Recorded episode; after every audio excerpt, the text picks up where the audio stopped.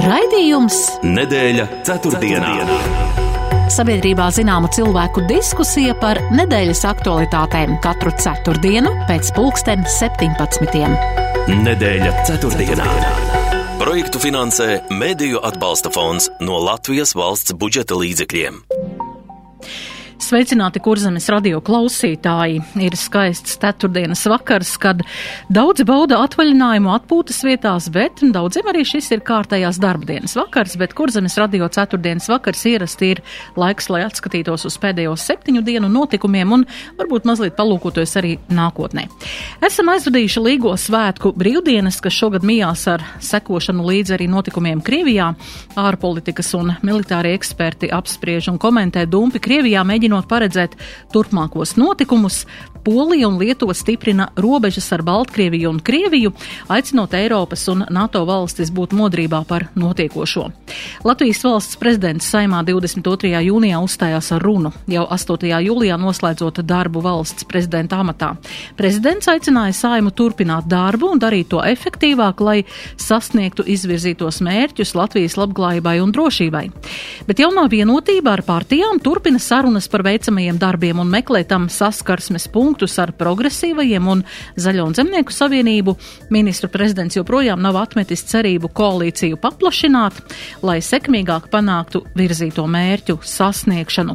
Bet tikmēr progresīvie aicina ministru prezidentu skaidrot atbalsta pasākumus saistībā ar Eiropas centrālās bankas procentu likmju kāpumu, kas ir augstākais pēdējo 22 gadu laikā. Klimatu un enerģētikas ministrija sagatavojusi priekšlikumus ministru kabinetam par atbalsta sistēmu jaunajai apkuras sezonai, lai palīdzētu ģimenēm ar zemākiem ienākumiem. Bet Twitter konvoja vadītājs Trēnis Pozņaks saņēmis Eiropas parlamenta Eiropas pilsoņu balvu. Nākotnē skatoties šo sestdienu vispārējo latviešu dziesmu un deju svētku dalībnieki dosies uz galvaspilsētu, lai nākamo nedēļu pavadītu spraigos mēģinājumos un, protams, arī vērienīgos koncertos, un par kādiem no minētajiem tematiem plašāk šodien sarunāšos ar raidījuma viesiem.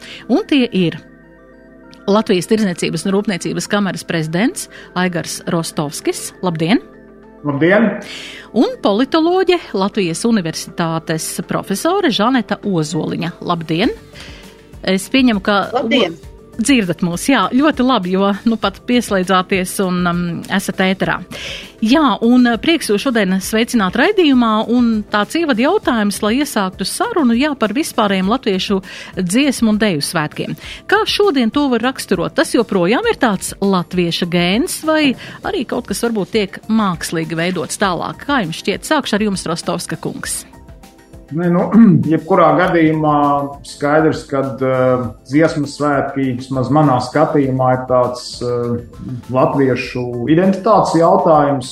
Un, un, un tie identitātes jautājumi laikam ir vairāk, ir valoda, ir, ir, ir kultūra. Un dziesmu svētki skaidrs, ka ir tāda savā ziņā nu, kultūras kulminācija. Jā.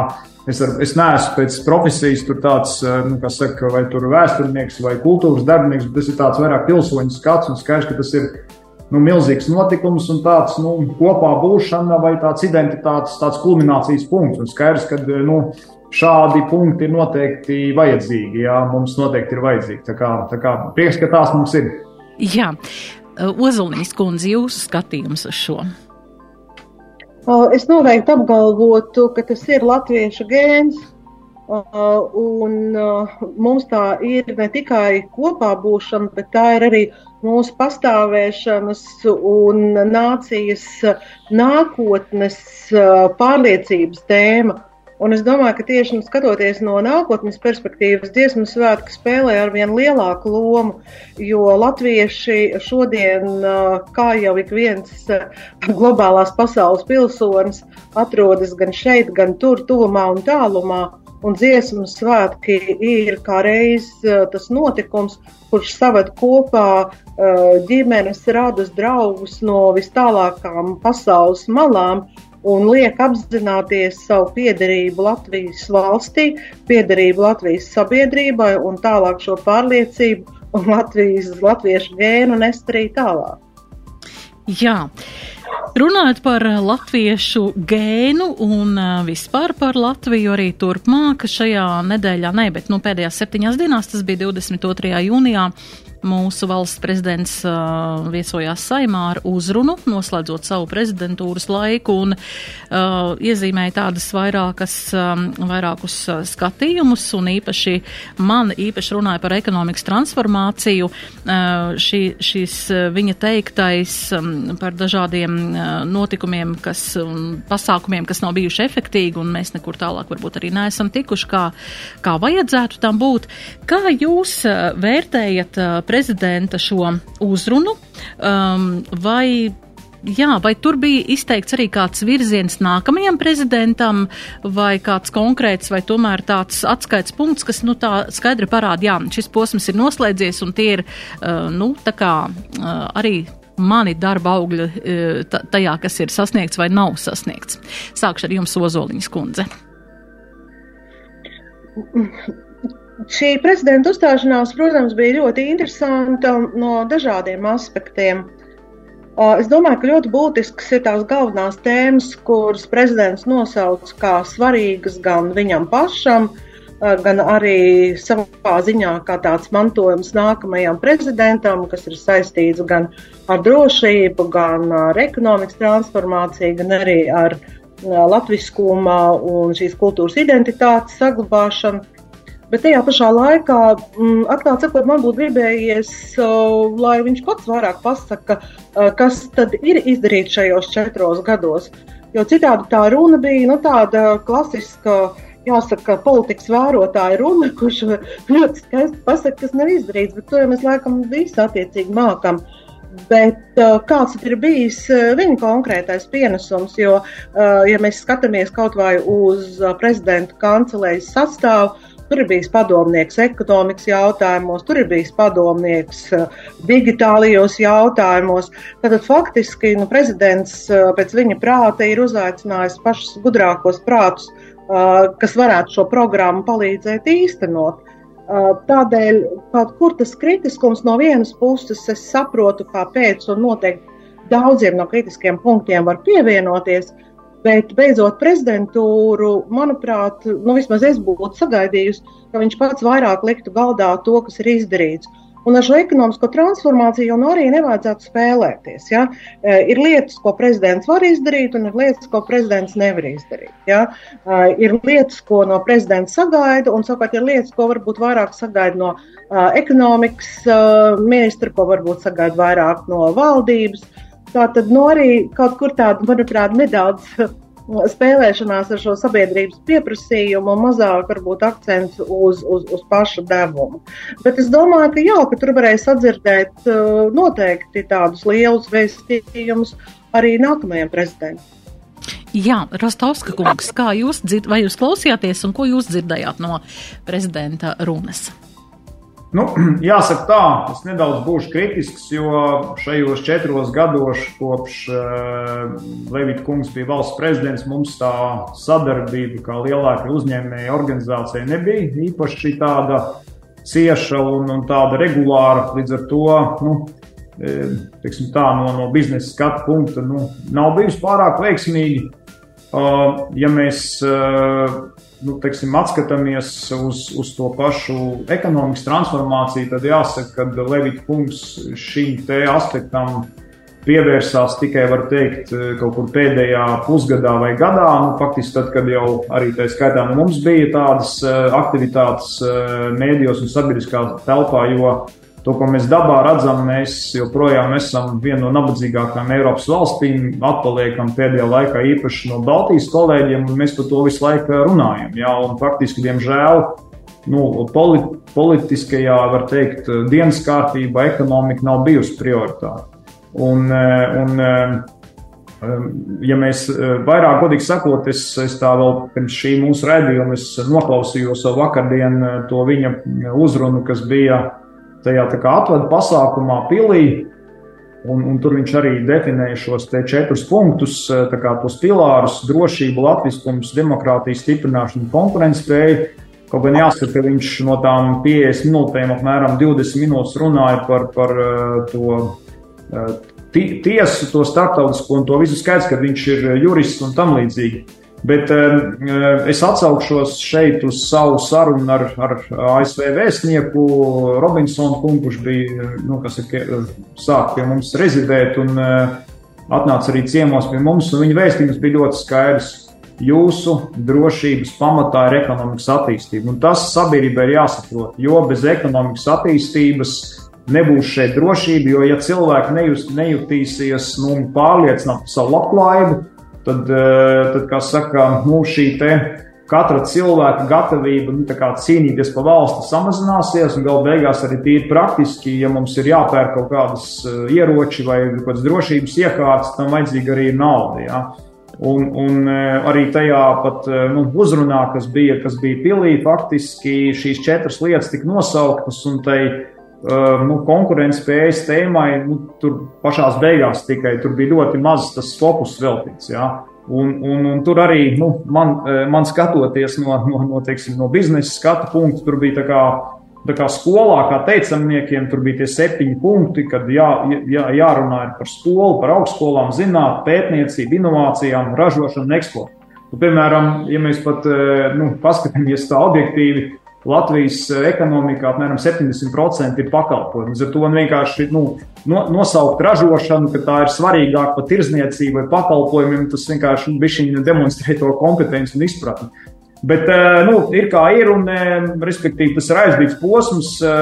Jāsaka tā, ko mēs arī esam arī teikuši, ka nu, gan prezidents, gan citi politiķi, gan premjeras, gan ārlietu ārliet ministrs tiešām ir jāuzslavē par proaktīvo darbību ārpolitikā. Tur tiešām cepur nost un, un tam līdzīgi, bet kas attiecās uz iekšpolitiku, tad tur tur neko īpaši lepoties nevar. Ja? Bet, tas ir tas vēstījums arī no mums, ka nu, eh, tautsēmniecības attīstība un ekonomikai jābūt ir kā, kā centrālajam punktam, jo saprotiet, kā, lai, lai vairāk līdzekļu būtu eh, veselības jomai, skolotājiem, drošībai, mums tā nauda no sākuma ir jānopelna, un tad ir ko dalīt. Ja mēs, ja mēs visu laiku tikai runājam, kā pārlīt un sadalīt, tad mēs esam tur, kur esam. Jā, pilnīgi noteikti. Eh, kā jūs vērtējat, tagad paliksim malā šo prezidenta uzrunu, bet eh, sākām runāt tieši par ekonomiskajiem procesiem. Eh, šobrīd ministru prezidents nu, izskatās, ka ir ļoti darbīgs tajā, tajā procesā, lai tiešām kaut ko panāktu, paplašinātu koalīciju un šos izvirzītos mērķus arī sasniegtu. Vai jūs redzat um, kaut kādas izmaiņas, kaut kādas um, jaunas idejas vai vēsmas tajā, ja ienāktu šajā koalīcijā vēl ZZS un progresīvie vai izietu ārā Nacionāla apvienība un uh, apvienotais saraksts, vai varētu kaut kas mainīties ar cilvēkiem, kas ir ekonomiski domājošāki, vai kaut kādā veidā, vai jūs redzat kādus personus, kas varētu um, mainīt kaut ko, uh, lai, lai sasniegtu mērķus tīri ekonomikas uh, šajā jomā?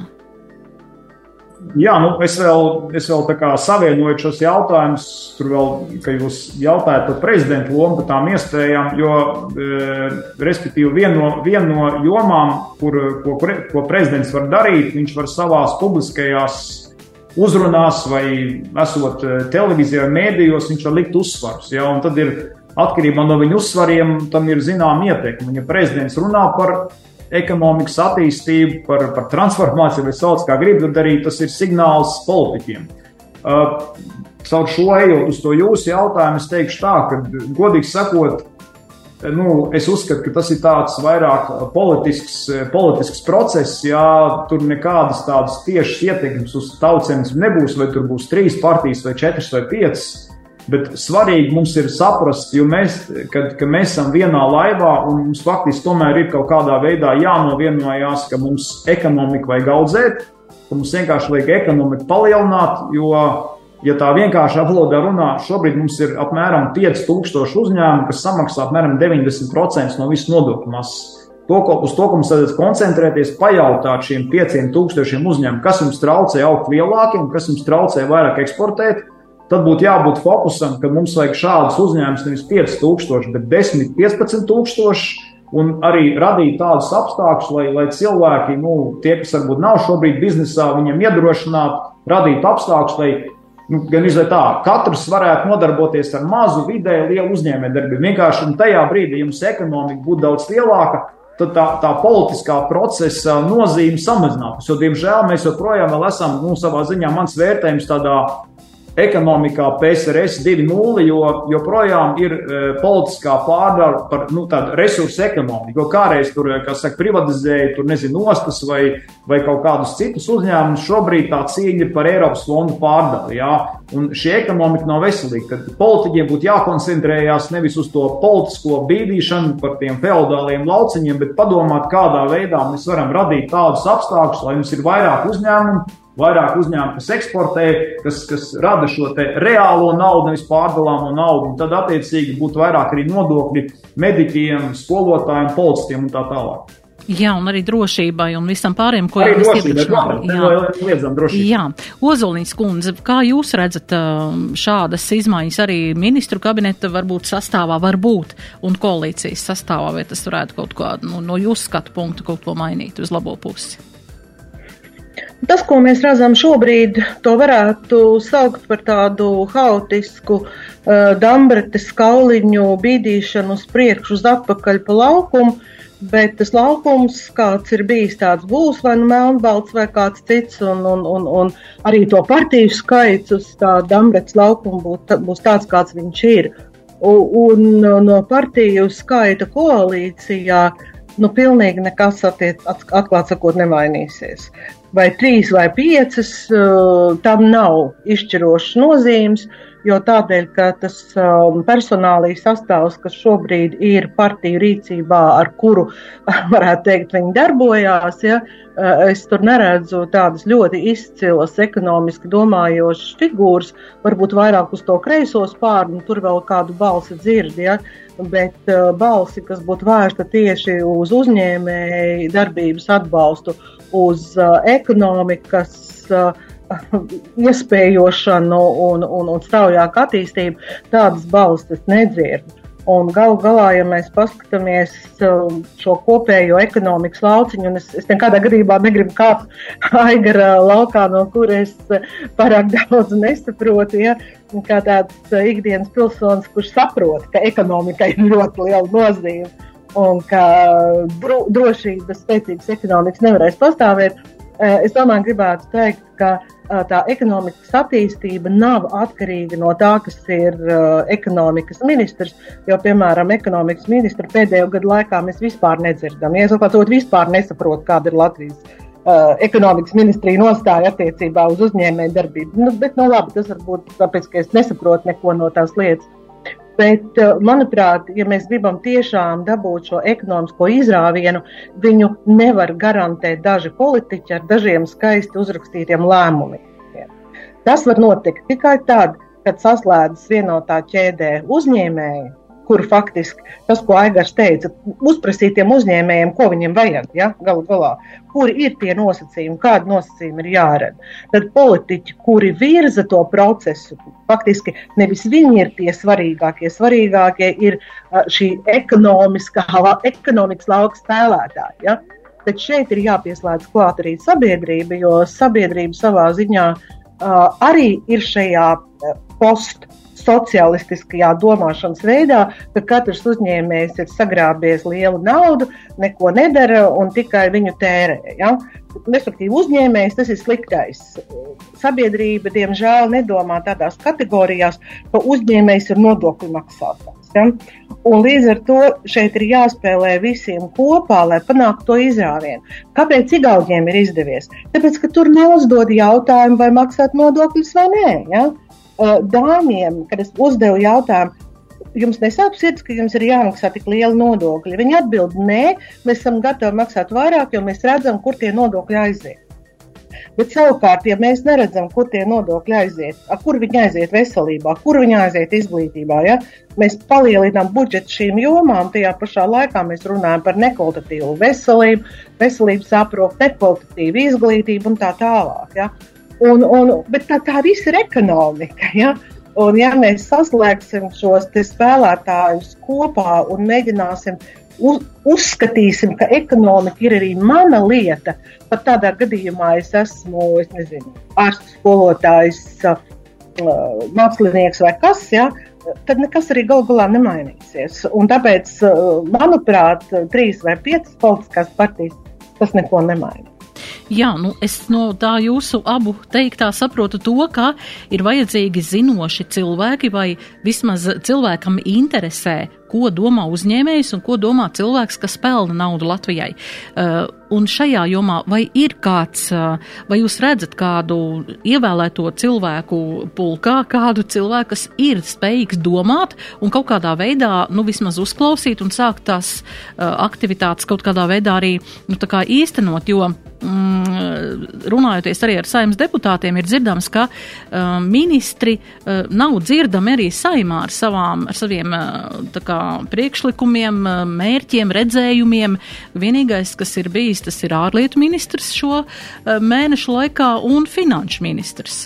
Kā jūs to vērtējat arī šo saskarsmi ministriem ar saimu? Nu, labi, parlamentārai sekretāri tur strādā un viss tas, bet, nu, šo, šo mērķu tāds izklāsts liekas, ka nav arī, nu, skaidrs arī šo ministriju kā vadītājiem. Jā, es no sākuma gribētu, Ozoliņas kundze, gan profesori teica, ka viņi neko nesaprot no uzņēmējdarbības, bet klausoties viņas teikt, jau mēs arī esam nedaudz pazīstami. Man ir tiešām gods, kad ir šādi profesori, kas no nu, vienas puses tā ļoti pieticīgi izskatās, bet tas, ko viņi teica, tas absolūti atbilst patiesībai. Un, un, un, ja teiksim, nu, kaut procentuāli daudzi politiķi, kas nenāk no biznesa vidas, eh, nu, saprast tik dziļi kā, kā profesori, tad tā lieta būtu daudz labāk. Tā kā viss cieņa Ozoliņas kundzei. Bet e, tur jau ir tā lieta, ka, diemžēl, mums ir, nu, faktiski mums tā, tas mūsu tā, nu, arī Levita kungs runāja par to demokrātijas attīstību, ja, eh, un faktiski mums jāskatās, nu, tādā meritokratījas virzienā, kas ir demokrātijas attīstības tāds augstākais punkts, ka tomēr tā kadru atlases politikai ir jābūt tādai, ka tajos būtiskajos amatos ir cilvēki, kas ir nu, pelnījuši, kad viņi dzīvē kaut ko sasnieguši. Jo to, ko mēs diemžēl novērojam, kad e, mums tas likts ir tāds pārāk strauji, un kad amatos nonāk cilvēki, arī dažādos ministrus, un tad viņiem liekas, ka viņi visu zina. Jā, un te Ozoliņas kundze, kas ir profesors, saka, es nezinu, bet to, ko viņi stāsta, tas ir absolūti tā, kā ir, bet citi nonāk tur un, kas saka, maz no kā saprot. Eh, runājot jau par, par konkrētajiem eh, politiķiem, tur bija tā lieta, ka faktiski sanāk tā, ka eh, Mēs esam, kā jau teicu, vienā laivā. Ja, un biznesa ir tas, un LTRK pārstāv apmēram 6000 uzņēmumus. Tas ir tas skaits, apmēram, kas, kas uztur šo valsti. Ja. Un, ja tajās praktiskajās lietās mūsos vairāk ieklausītos, tad rezultāts būtu labāks. Te, protams, man ir nu, jāsaka tā, ka tur ir ļoti atkarīgs no konkrētiem ministriem un politiķiem. Jūs minējāt to pašu ekonomikas ministru. Savā ziņā tur ir tāds paradoks, ka ar konkrēto ministru mums tās attiecības ir izveidojušās. Mēs regulāri tiekamies un tajos dokumentos, kuri tagad parādās, jā, mēs esam dokumenti, varbūt lielvalsts, tur tie virsraksti ir, ir, ir ok. Cita lieta, protams, ir tā nav mana varbūt kompetence. Nu, skaidrs, ka būtu labi, ja, ja arī tāda ekonomikas ministra būtu proaktīvāka e, publiskā telpā, ka viņi tos vēstījumus varētu iedot sabiedrībai, ka sabiedrība dzirdētu. Ja?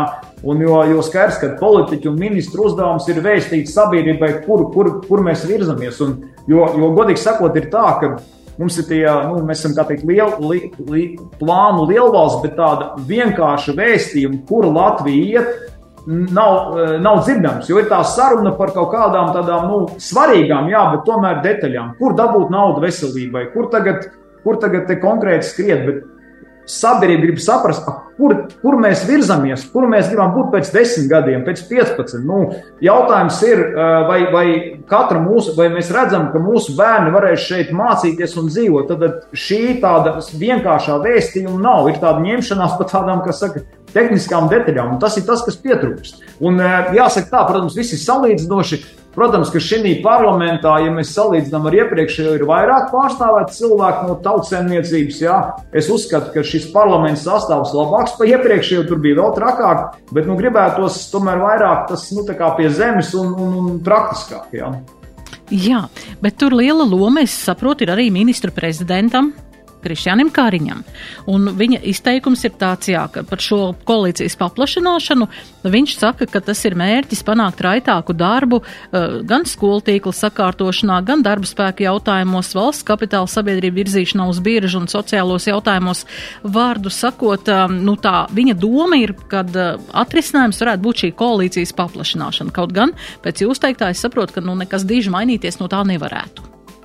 Tā ir vai ne? Es, es domāju, ka tur eh, praktiski tā situācija ir tāda skaidrs, ka šīs eh, prezidenta vēlēšanas un tās sarunas, nu, tur bija kaut kāda varbūt vienošanās vai kaut kāda apsolījuma. Skaidrs, ka tagad tā situācija ir tāda, ka nu, tie, kas tās balsis vāc, viņi mēģina. Nu, kad pieaicināt šīs partijas, kas balstīja Rinkeviča kungu koalīciju. Es domāju, ka tā ir tā, tā, ir tā realitāte. Jo, nu, ja mēs tā runājam no lēmumu pieņemšanas viedokļa, patiesībā Jo mazāk partijas ir koalīcijā, jo vieglāk pieņemt lēmumu. Iedomājamies situāciju, ja būtu viena partija, nu vienalga, kura no partijām, ja viņiem būtu tiesa viens plus balss, tad viņi partijā nolemtu un varētu, kā saka, iet uz priekšu.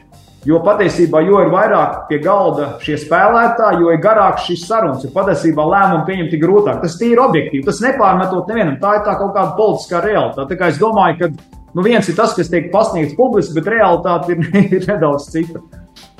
Jā, Ozolīns kundze, vai jūs arī piekrītat šim apgalvojumam, jā, ka nekas, nu, nekas nevarētu mainīties tā būtiski arī pie piecu partiju koalīcijas? Jā, protams, es pilnībā tam piekrītu, un um, man šķiet arī ir loģiski, ka jo mazāk pārstāvju sēž pie galda, jo vieglāk ir pieņemt lēmumu. Ja? Uh, un pie tam šīs trīs partijas jau vairāk vai mazāk ir vienu otru iepazinušas un sapratušas, un, un, un, un varētu arī labas lietas izdarīt. Tikai, protams, ir jāuzdod jautājums, kāpēc tas neuzdod, neizdodas, un tur varētu būt vairāk skaidrojumu. Bet tā viena lieta, mm, faktiski, kas šobrīd ļoti būtiski traucē Latvijai virzīties uz priekšu un panākt izrāvumu, ir tas, ka tomēr uh, katrs ministrs un katra nozara sēž uh, savā šaurā lauciņā. Uh, tas, ko Aigars pilnīgi pamatot teica, uh, šī sēdēšana savā lauciņā ir saistīta ar naudas pārdalīšanu un šīs naudas ieguldīšanu savā laukā. Bet tas, kas ir nepieciešams, ir nepieciešams uh, šis pārnozaru, pārsektoru jauns sadarbības modelis, jo tikai sadarbojoties piemēram, šiem pašiem zinātniekiem, pētniekiem, ar uzņēmējiem, var panākt uh, šo konkurētspēju, var audzēt produktivitāti, uh, var radīt produktus, kas ir interesanti globālajā tirgu un tā tālāk. Ja? Tāpat jūs nevarat salikt kopā zinātni ar uh, uzņēmēju darbību vai ekonomiku, plašāk runājot. Ja jums nav izglītība, kas ražo darba spēku, kas mācētu šīs tehnoloģijas ne tikai radīt, bet arī viņas lietot.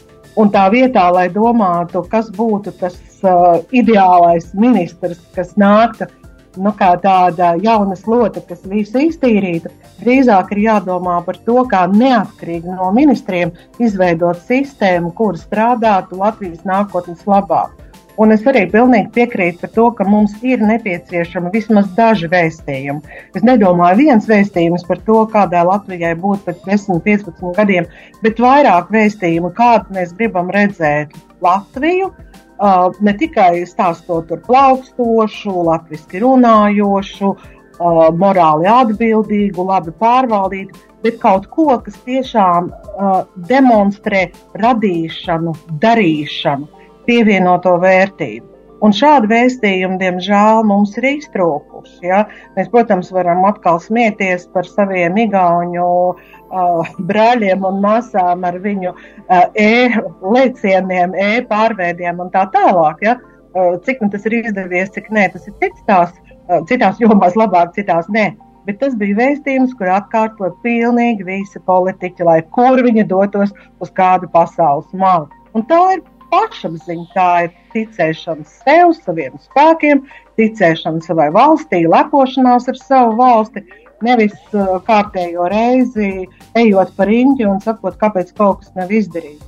Un, lai arī, protams, es uh, piekrītu dziļi sirdī tam, ka, nu jā, vajadzētu mums būt vienā līmenī ar Igauniem un Lietuviešiem, uh, Bet, ja mēs sevi noliekam tik zemu pašu un pasakām, nu, nu kaut mēs līdz tiem igaunīšiem aizsniegtos, Tas nav vēstījums, ar kuru veidot pašapziņu, un tik tiešām arī mudināt cilvēkus radīt, ražot, izgudrot un, un, un veidot Latvijas nākotni. Es vispār, man kā, kā iespējams, esmu dziesmu svētku uh, ietekmē, mums kaut kāda tāda, nu, tāda šausmīgi pieticīga esam visā, ja? Pēc pieticīgi, nu, drosmīgi, mēs daudz ko varam, mēs jau esam ļoti daudz ko izdarījuši un ļoti daudz ko varam paveikt. Un kā reiz tā pašapziņa ir tā, kas mums pietrūkst šobrīd. Ja, drīkst, ja pa, paturpināšu, ko, ko teica Žanete, tad šobrīd ir tā, ka mums Latvijā ir aptuveni tūkstots uzņēmumu, kuriem eksporta apjoms pārsniedz miljonu. Un mēs varētu, kas saka, šo te ambīciju vismaz attiecībā uz vēstījumiem ekonomikā teikt, ka mēs būsim Eiropas eksportējošākā nācija, kuras viena iedzīvotāja būs lielākais eksporta apjoms. Nu, tas ir tāda reāla ambīcija. Jā. Skaidrs, ka mēs diez vai ekonomikā kā, kā valsts pārsniegsim, piemēram, Vāciju, jā, bet uz vienu iedzīvotāju to mēs varam izdarīt. Jā, līdz ar to labklājības būs lielāka. Jo e, šī te e, arī ambīcijas sadaļā tur jau nav tā, ka tās e, visas, visas, tā, nu, visas tās saka, kritika ir, ir tikai politiķu vai ierēģu pusē, arī uzņēmēju pusē, arī, arī stāsta, ka mums ka ambīcijai jābūt lielākai. Ja?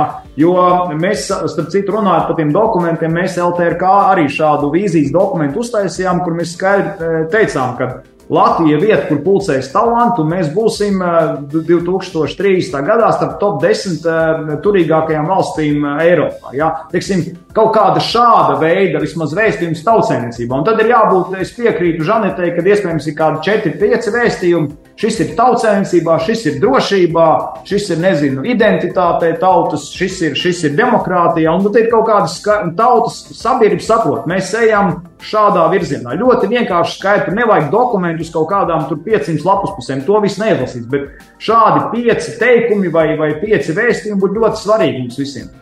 Jā, mums ir maz reklāmas pauzīte, un pēc tam mēs turpināsim. Nedēļa ceturtdienā. ceturtdienā.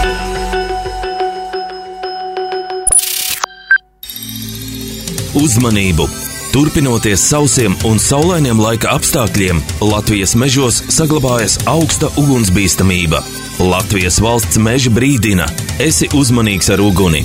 Izvairies no jebkādas atklātas liesmas veidošanas mežā vai tiešā tā tuvumā.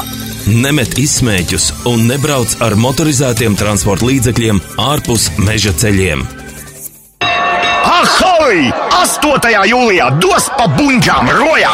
Visas dienas garumā zvejnieks svētki rojā! Un 8. vakarā lielā balle pludmalē! Uz divām skatuvēm! Intars Busulis un abonementu orķestris! Ivo Fomins, Mazais princis, Singapūras satīns! Lustīgais Blūmīzers, Galaktika, Jūrkan, DJ Roberts Laismējers, UFO un Jaks! Atvainojiet! Būs vēl arī disko bārs Ezītis Miglā! Biletes priekšpardīs kasēs! Nedēļa ceturtdienā. Radījums nedēļas ceturtdienā radījuma viesi Žaneta Ozoliņa un Aigars Rostovskis. Jā, vēl gribēju jums pavaicāt vēl viedokli šajā, ka ekonomikas ministrija sola vērtēt uzņēmēju aicinājums vienkāršot darba spēku piesaistīšanu no trešajām valstīm. Zinām, ka daudz ir dzirdēts, ka pietrūks Latvijā darba roku un ka sarežģīti ir šī m, darba spēku nodrošināšana ar vietējiem resursiem un arī sarežģīti ir m, ar trešo valstu m, darba roku piesaisti. Kā jūs vērtējat? Tas varētu būt kaut kāds tāds uh, pozitīvs uh, signāls cilvēkiem, ražotājiem, kam šobrīd trūks darba roku. Rostovska kungs. Jā, nu, skaidrs, ka darba spēka tēma ir viena no tām piecām lietām, ko mēs uzsveram, kas, kas būtu šī ekonomikas transformācija bez darba spēka piesaistes. Tur būtu birokrātijas tāda mazināšana, finansu pieejamība, enerģētikas tēma un nodokļi. Ja?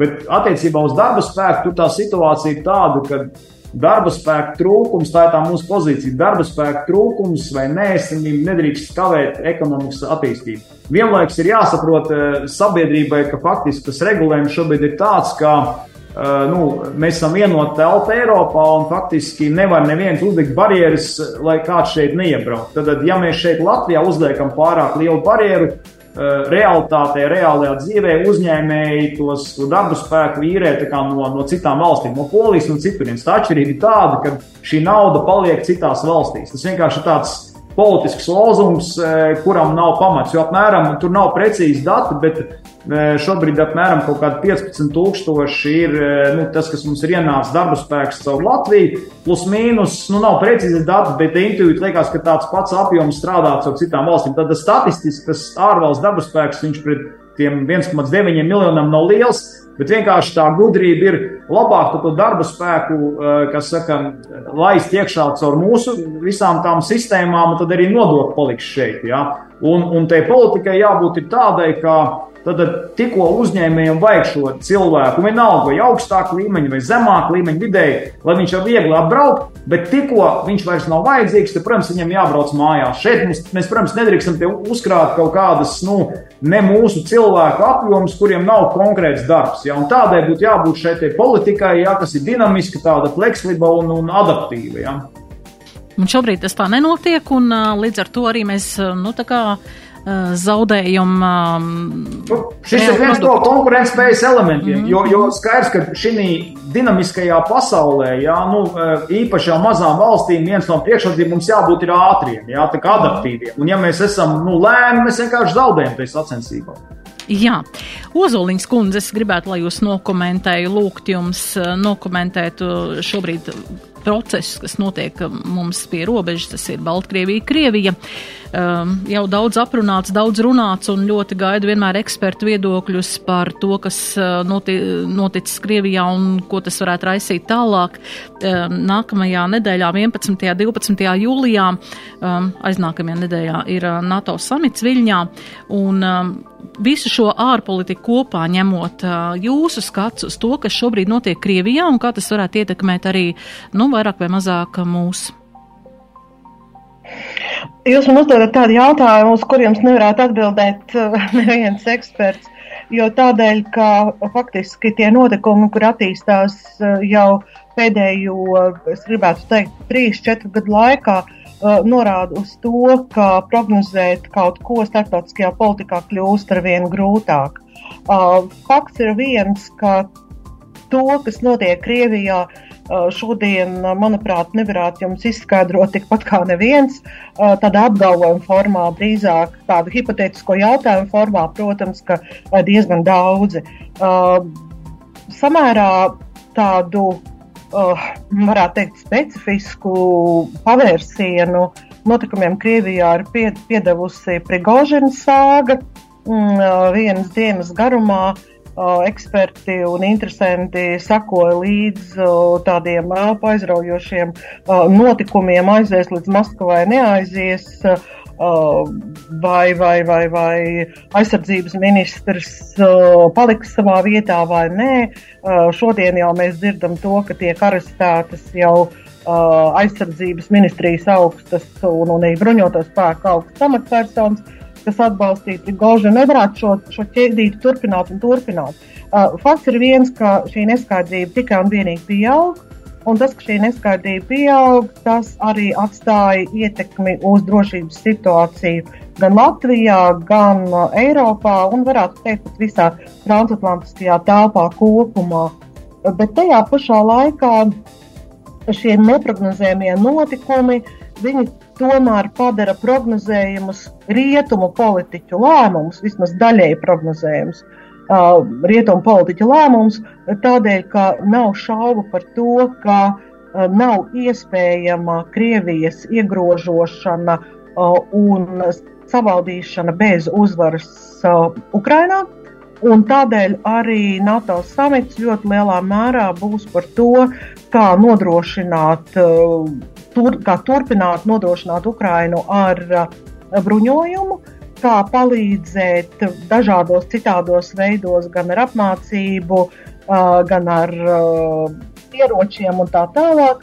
Bet tas būs arī noteikti stāsts par to, ka Ukraina liek arī pašiem rietumiem daudz nopietnāk domāt par savu drošību. Un te, starp citu, arī parādās uh, ekonomika, jo tādēļ, ka uh, NATO ļoti lielu uzmanību šobrīd pievērš aizsardzības industrijai. Uh, aizsardzības industrija kļūst ar vien daudz caurmaināka. Tas nav vairs tikai automāts uh, vai, vai, vai, vai uh, kāds galgabals vai tikai un vienīgi lidmašīna. Tās ir modernās tehnoloģijas, uh, tie ir jauni materiāli, tas, kur starp citu arī Latvija ir gana spēcīga. Un uh, tādēļ ir ļoti svarīgi, lai Eiropieši, tā skaitā arī Latvija un arī ASV, nezaudētu to dinamismu arī savas aizsardzības jomas stiprināšanā. Un tādēļ investīcijas būs vajadzīgas ne tikai Ukraiņas uh, tālākajā attīstībā un viņas drošības nodrošināšanā, bet būs vajadzīgas arī pašas transatlantiskās telpas drošības un aizsardzības uzturēšanai. Tā kā bez investīcijām atkal bez naudas mēs nekur tālu netiksim. Ja? Tā kā mm, situācija ir sarežģīta, no NATO samita viļņā mēs nevaram gaidīt kaut kādus galvu reibitošus lēmumus, kas atrisinās visas problēmas, uh, uzvarēt, ka karš tiktu uzvarēts jau nākamajā dienā, vai ka Putins tik ielikt cietumā. Protams, ka nē. Uh, bet tie būs tādi nelieli, bet drošībai ļoti svarīgi lēmumi. Jā, Rostovska kungs, kā jūs redzat šo situāciju un kā reaģē uzņēmēji un jā, mūsu um, jā, uzņēmēji, eksportētāji uz procesiem, kas notiek Krievijā? Nu, mans skats uz šo visu ir tāds, ka e, šis ir impērijas sabrukšanas process. Impērijas brūk bieži vien simtiem gadi, un šis ir viens etaps, vai tas būs pēdējais vai nebūs pēdējais, to mēs pieredzēsim. Bet uh, impērija brūk, un ja mēs tā tēlēni izdomājamies, nu, mēs visi saprotam, ka, piemēram, nu, nezinu, kad brūk kāda māja, tad uh, viņa var sabrukt tā, nu, saka, maigāk un mazāk skart apkārtni, jā, bet viņa var brukt ļoti sāpīgi, un tas, kas viss tur brūkot lidu apkārt, var trāpīt, uh, nu, jebkuram, kas tur ir pārāk tuvu stāvi, jā. Līdz ar to uh, īstermiņā skaidrs, ka mums ir jābūt gataviem uz jebkādu scenāriju, ir jāstiprina visa veida militārās drošības lietas un, protams, arī ekonomika un šī iekšējā drošība. Mums jābūt, ir jāturpina būt proaktīviem ar visiem mūsu lielajiem strateģiskiem partneriem, īpaši ar, ar Ameriku, Lielbritāniju un visiem. visiem. Labā ziņa ir tāda, ka eh, nu, tagad ir nedaudz saprast, kas, kas ir, jo man arī, mēs, eh, kas saka, mēs kā, kā LTRK esam aktīvi gan Eurochambers, un es atceros visas šīs diskusijas, kur man arī, kas ir kolēģi no citām valstīm, kas varbūt tālāk Eiropā teica, Aigar, nu vai kaut kā ar to Krievijas sarunāsim, teicu, nu, Viņi, viņi saprot tikai spēka valodu. Viņi apstāsies tur, kur viņus apturēs ar spēku. Ja?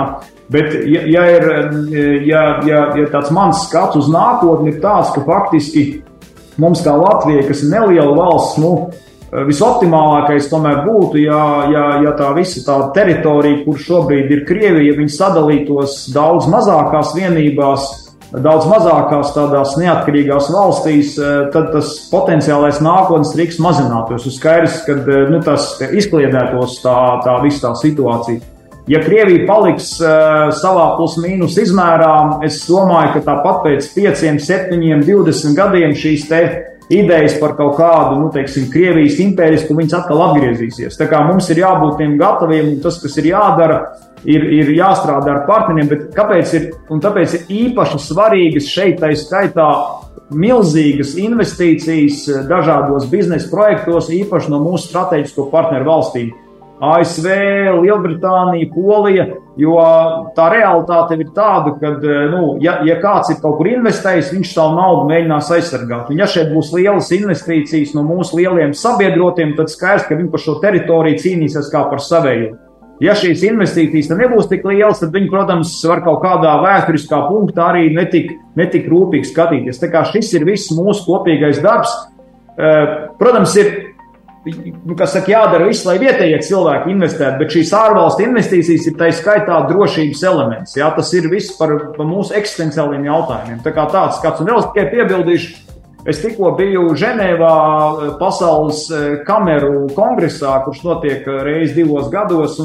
Šī ir tā viena lieta, ko, ko uzsver nu, globālie runātāji, kad šis te nenoteiktības, neskaidrības laiks tikai palielināsies, un uzņēmējiem jābūt gataviem, jo šie ģeopolitiskās svārstības, dažādu piegādu ķēdi, izmaiņas, to jābūt gataviem, uz to visu ir jārēķinās. Tā vienkārši ir objektīvā realitāte šodienas situācijā. Jā, paldies. Ir, diemžēl raidījuma laiks ir iztecējis un atliek mums mm, pateikt paldies par sarunu jums un novēlēt lielisku atlikušo darba nedēļu un arī skaistus un mierpilnus svētkus nākamajā nedēļā. Tātad sarunājos ar politoloģi Latvijas Universitātes profesori Žaneti Ozoliņu. Paldies jums!